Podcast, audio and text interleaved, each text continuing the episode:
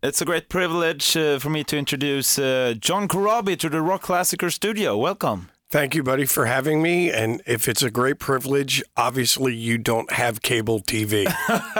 you need to raise your bar, buddy. Raise no, your bar. No one watches TV anymore. I watch Vikings all the time. Oh, Come yeah, on, yeah, I got yeah, this. Me too. Me too. That's a great show, actually. Have you seen them all? I've pretty much. I'm well. I'm gonna miss a few while I'm over here, and then I'm gonna go home and and I'm gonna marathon watch the current season. But yeah, uh, season five, I think it is. well, right? my wife my wife is actually uh, Danish. Oh, um, you know, born and raised in America, but her father was from Denmark, and so uh, we're we're uh, Sorensen. So I'm very much into the Viking Viking blood. Oh, Yeah.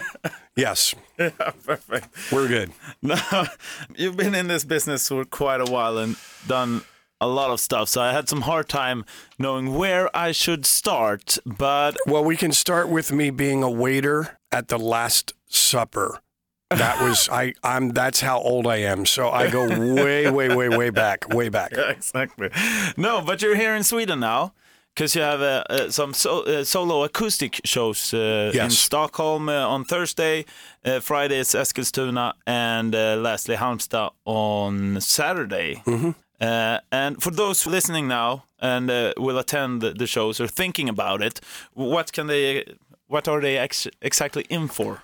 Um, you know what? It's a very um, uh, it, obviously it's intimate because a lot of the places are they're you know they're very small. I don't I you know for the acoustic stuff I don't like playing in big places. You know, but it's it's very intimate. There's no set list, and I tell everybody I say you know if if uh, you want to hear a song, uh, just yell it out, and if you got even if you have a question and you want to ask me a question or whatever, just it's it's pretty much a free for all.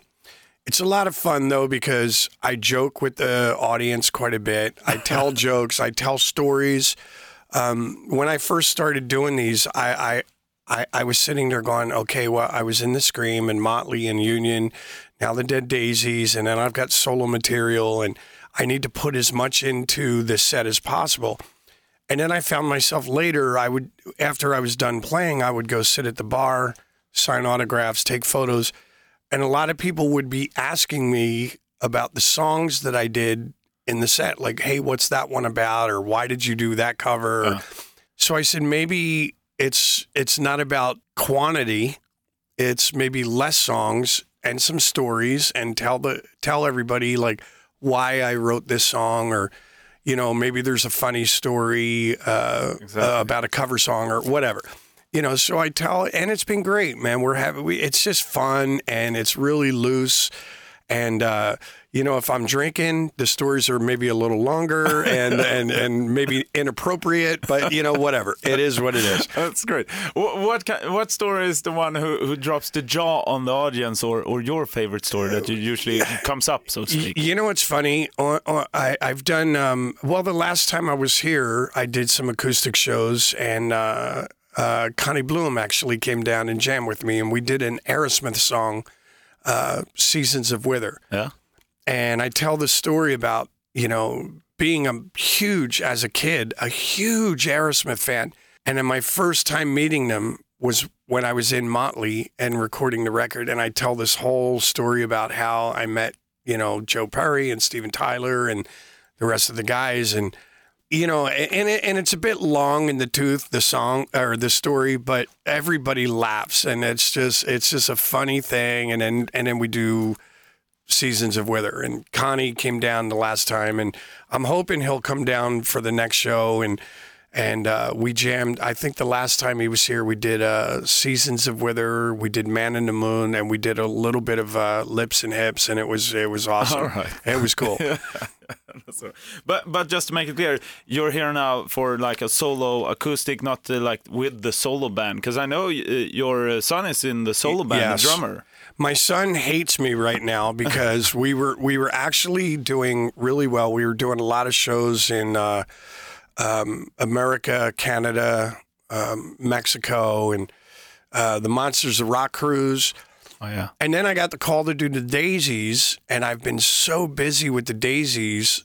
So the last three years, I haven't really done much with my band. And my son, you know, I told him I was coming back over here to do the acoustic shows, and he goes, I hate you. when am I going to Europe? I want to go to Stockholm. I want to go to I want to go to Norway and I want to go to Italy and all these great places you go to. And so this year this year it's about John Corabi and I'm going to record a new record and I want to get my band and I want to come and travel the world with my son. It'll be awesome. All right, yeah. So, so that's what you have in pipes for, for, for this year later on, then. So. Yes. Yeah. All right. Also, speaking of the Dead Daisies, uh, you released a great new album uh, last year, "Burn It Down." Yes. How does the writing session work uh, with with the Daisies? You know, it, it's it's funny. Um, with the Daisies, most uh, you know, mo most bands there's there's like one writer or two writers in the band, and they write Yeah, everything and tell yeah. everybody what to do. You know, with the Daisies, it, it's not that way at all. Like everybody just um, they come to the table with just riffs. Like I I have you know a hundred riffs on this thing, and we go we're going to record a record, you know, in October. And so we all get together and we throw our phones or computers on the table and we just start playing riffs with each other. And then at that point we go, "Oh, that one that that's a good riff." Then everybody in the band, in, and then including the last couple records, Marti Frederiksen, our producer, everybody sits in a room together with acoustic guitars and we develop the ideas. And we get maybe 15 or 20, 22 ideas. We pick the best 10 or 12, and then we go in and we just start tracking. And then once the music is tracked, then I go off and I listen and I just try and write lyrics. If I get stumped, uh, the rest of the band helps out, you know? So it's very collaborative and it's very fast. Every record that we've done uh, since I was in the band, um, we wrote, recorded, mixed, and mastered the entire record, artwork, everything in a month. Oh wow. Yeah, it's it's pretty quick. Yeah. It's pretty awesome. Uh, but how, how how hard is it to get everyone at one place because everyone has some uh, other stuff to do? Well, and, and, and well, it, you know, the first priority is always the daisies, you know, but we're we all just kind of say, um, you know, we're going to record in Nashville, which is where Marti, uh, his studio is. I also live there. But we'll get together, like David, our guitar players, besides being in the Daisies, he's a very successful businessman. So we'll go to New York, we'll write there, and then we come to Nashville and we just knock the record out. But um, it's it's not that hard, man. It's it's it's weird. It's like the weirdest situation I've ever been in. Like everybody's such a they're all great players, but everybody is a great songwriter as well. Doug Aldrich, Marco, David, myself, Marti. A lot of people don't know it. Like Marti's a great producer, but he also wrote the song Jaded by Aerosmith Right. with Steven.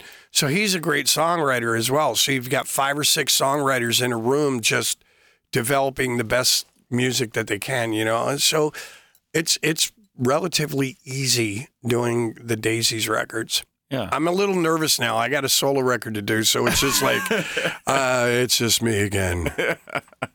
Now, many musicians and bands have come and disappeared during uh, the years, but you've su- succeeded to stay and still touring and still uh, love it. I'm guessing because you still uh, do it. But what do you think is the reason for that? You know what? I, I don't I don't know. I honestly uh, not not to sound cliched or or weird, but I, honestly, I just I really truly feel very blessed that I've been able to because you're right. There's the music industry isn't what it was 25 or 30 years ago when I first got involved in this. You know what I mean? Uh, bands were being uh, given a lot of money to record records, and they would have, you know, radio stations would play their music, and they made a royalty rate. You know, obviously there it, it's here as well, but now you've got things like Spotify and iTunes, and and there's just all these watered down versions of you know the the musicians aren't making the money that they used to make 30 years ago And so a lot of them have kind of went, I, I can't do this anymore. And, and they've gone off to do whatever, real estate, gardening, whatever. Yeah. And I've somehow, through the grace of whatever you believe in, you know what I mean? I've been able to somehow um, sustain myself uh, as a, you know, uh, taking away from the music thing. You know, I'm a husband, I'm a dad, I'm, you know, and I've been able to take care of myself and my family and and have a good life and still do what I love to do, you know. So uh, for that, I feel very blessed, and I have no idea why I'm still here and other people aren't. Because, in all honesty, I've probably done everything wrong that you could do. you know what I mean? I'm like, why am I still here? I still scratch my head and I go, wow, okay, well let's just let's just go through today. It's awesome. yeah, take it day by day. This year it's uh, the 25th uh, year anniversary of. Thanks for reminding me how old I am. now I want to know, kind of, what are your best memories from that time with the Mötley? Well, you know, it was Motley Crue, so there's not many memories at all because I was probably really drunk the whole time. But um, now, you know what? Honestly, it was it was very creative working with those guys. I was very excited. Uh, I, it, it was like a kid in a candy store. They had actually become very jaded and took a lot of things for granted uh, when I joined the band. And and Tommy said to me many times, and even Mick, um, my joining the band actually helped them reappreciate everything again because they were seeing things the second time through my eyes. Do you know what I mean? I was just like, "What? We're taking a helicopter? oh, this is killer!" You know what I mean? Yeah. And you know, so uh, so it, it was very exciting. It was like, uh, yeah, it was very creative and exciting. And I was meeting a lot of people. For example, Aerosmith, uh, Glenn Hughes, uh, the ACDC guys, on, on a personal level because they all knew each other. And I was just like, what? I'm, you know, I'm meeting Glenn Hughes. Oh my God, you know. So I was freaking out about stuff, and, and which made them appreciate like, oh yeah, wait, that's Glenn Hughes. That's the guy that we actually, you know what I mean? So it, it was a very exciting time, very creative. I know a lot of the fans are upset that I was there, and and you know the the the the true Motley Vince Neil, you know whatever, you know, and they just have to understand like I was just some kid that was in a band that was just happy to be there. They called me, they asked me to join, I did it, and I was just stoked. Yeah. I was just excited about the whole thing. You know, if I angered any of those diehard Motley fans, I apologize, whatever. But it had no, nothing. No. I It really had nothing to do with me. Mötley fan, uh, but but Misunderstood is one of my favorites, uh, favorite Mötley songs. So I mean, if you can, if you can look at it that way, that's great. You know, there's some fans that are just. I Yeah. still. It's funny. Uh, my record came out 25 years ago. Uh, that was 94. Vince came back three years later. Uh, so 25, 22 years ago, Vince Vince has been back in the band. Vince and I are friends. He lives in Nashville as well, and I see him. And we hang out, we talk, we laugh. Ah, it's funny how the fans think we hate each other. Blah, blah, blah, whatever. You know what? At the end of the day, like I still, ha- it's crazy. I still have fans write to me, and they're, you know, not not not to be a, you know, uh, you know, pain about it, but they're they're they're they're kind of mean about it. You know what I mean? They're like, you suck, you know, little, and I'm like, I so I wrote to this guy. He he- sent me this really nasty letter, and he's like, "You're a loser. You suck. Motley Motley will always be Vince, Tommy, Nikki." And I go, "Hey, okay, I get what you're saying." So I wrote I wrote him back. I said, I, I totally understand what you're saying. Now I just want you to, for one minute, to think about this. I was in a band that was playing in clubs, and we were doing well, but I was still I was playing in clubs. And the biggest one of the biggest bands on earth asked me to join their band and be their singer. I had no ill will about Vince, never met the guy. He was over there, I'm here. I'm here now. They asked me to join the band and I did it. Now, tell me if you weren't in my shoes that you would have done something different. I did exactly what you would have done Yeah, if you were given the opportunity. and I made the best of it. I had a, I had a great time. I'm still friends with Mick, uh, Mick. I still talk to Tommy on occasion. I'm friends with Vince. The only one I really don't really talk with much is Nikki. He's off doing his thing. I'm doing my thing. We don't hate each other. We just don't talk. You know what I mean? But I'm friends with all the guys and it and it, it was what it was. And i had a great time. It was an exciting time. It was a creative time. And because of that i think that uh, my time in motley is possibly one of the reasons in response to your earlier question one of the reasons why i'm still doing what i'm doing do you know what I mean? Yeah. So I have no ill will about Motley. I have nothing but great things to say, and I'm very proud of everything we did. Looking back during your career, I, I would like to know. I, I know you you already said um, Aerosmith, but is there someone that you've met that had a great impact on you during the years? You know what? Honestly, I, I, I have to be I have to be honest with you. Like, and I I, I say this uh, during my acoustic sets because, again, I truly feel blessed. Like. I, I I don't I don't know what it was, but I'm like the only musician that was ever in my family. So I I I got into music. I got into the Beatles and then Zeppelin and then Aerosmith and Kiss and all these great bands. And it's kind of surreal that I, I you know, at, growing up in Philadelphia, Pennsylvania, in the States, I, I had all these posters on the wall, and all of these bands, eh, to some degree or another, have influenced me. And now, 30 years later or 40 years later, you know, I did a tour with the da- Daisies with Whitesnake. And I sat in a plane every day with David Coverdale, just talking like we're talking now, just about life and kids and family. And oh, that time that they did the Cal Jam in 1974. and I'm like, dude, I totally saw, you know what I mean? So I'm a bit of a fan, but it, it's weird. Like everybody that I, I was fascinated by or influenced by, I've met Tyler and Perry, Brad Whitford, and uh, just all the guys in Aerosmith, and they've been nothing but the coolest, most genuine people ever. Coverdale was he was so normal it was ridiculous. Like hey david how are you? Hey john how how you doing? Oh johnny c how are you? You know what i mean? And i'm like yeah you know uh-huh. and and and i've met robert plant and i you know and just the guys in acdc and i'm i'm like at one point i have to pinch myself but then I, i'm just so blown away at how normal they are. They're just nice guys you know? And so i've been very blessed you know? I've been influenced in some way by all of them. And i'm still being influenced by them because i'm seeing like okay brian johnson uh, from acdc i met him when i was in motley at a wedding. Yeah.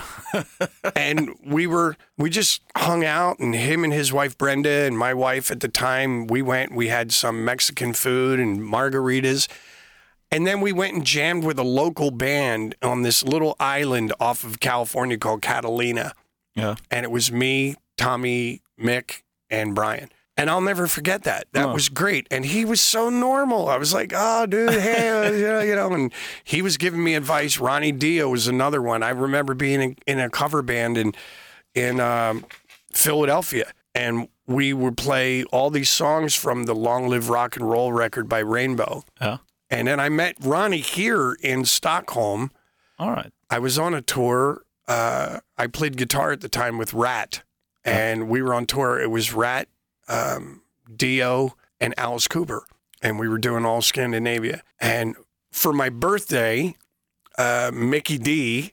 Yeah. Took me out we went to some bar. I don't know. We were crazy. it, was, it was crazy. There was drinks and and I just sat across and we talked with I talked with Ronnie Dio and he was so sweet and God God rest his soul. He was he was so sweet. He was giving me advice and I told him I, I thought I had maybe uh, nodes in my throat and I wanted to have them surgically removed and and he took me away from the table and we went and we sat in the front of the this bar and it blew me away. He's like, I have all your records, dude. You're you're you're a great singer. Like, don't no, don't do the surgery. Just like there's these exercises you can do, and he gave me all this advice, and Wow. you know, so it, it- they influenced me when I was younger, and but they still influence me now because I look at them and I go, the, these people have had all of this success and they're still normal.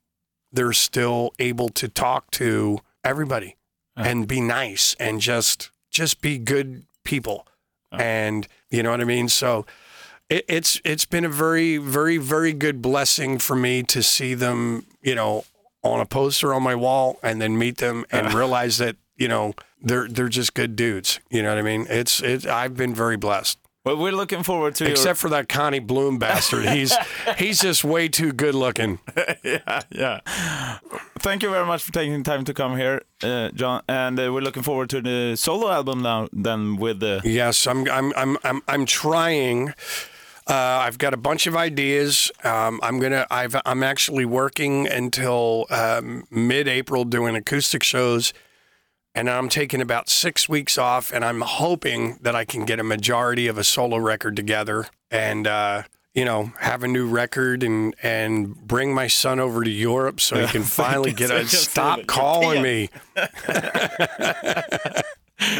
do that. Did I mention that Connie Bloom's a good-looking bastard? he, he, him and Ryan Roxy. Ett poddtips från Podplay. I fallen jag aldrig glömmer djupdyker Hasse Aro i arbetet bakom några av Sveriges mest uppseendeväckande brottsutredningar. Går vi in med hemlig telefonavlyssning och, och då upplever vi att vi får en total förändring av hans beteende. Vad är det som händer nu? Vem är det som läcker?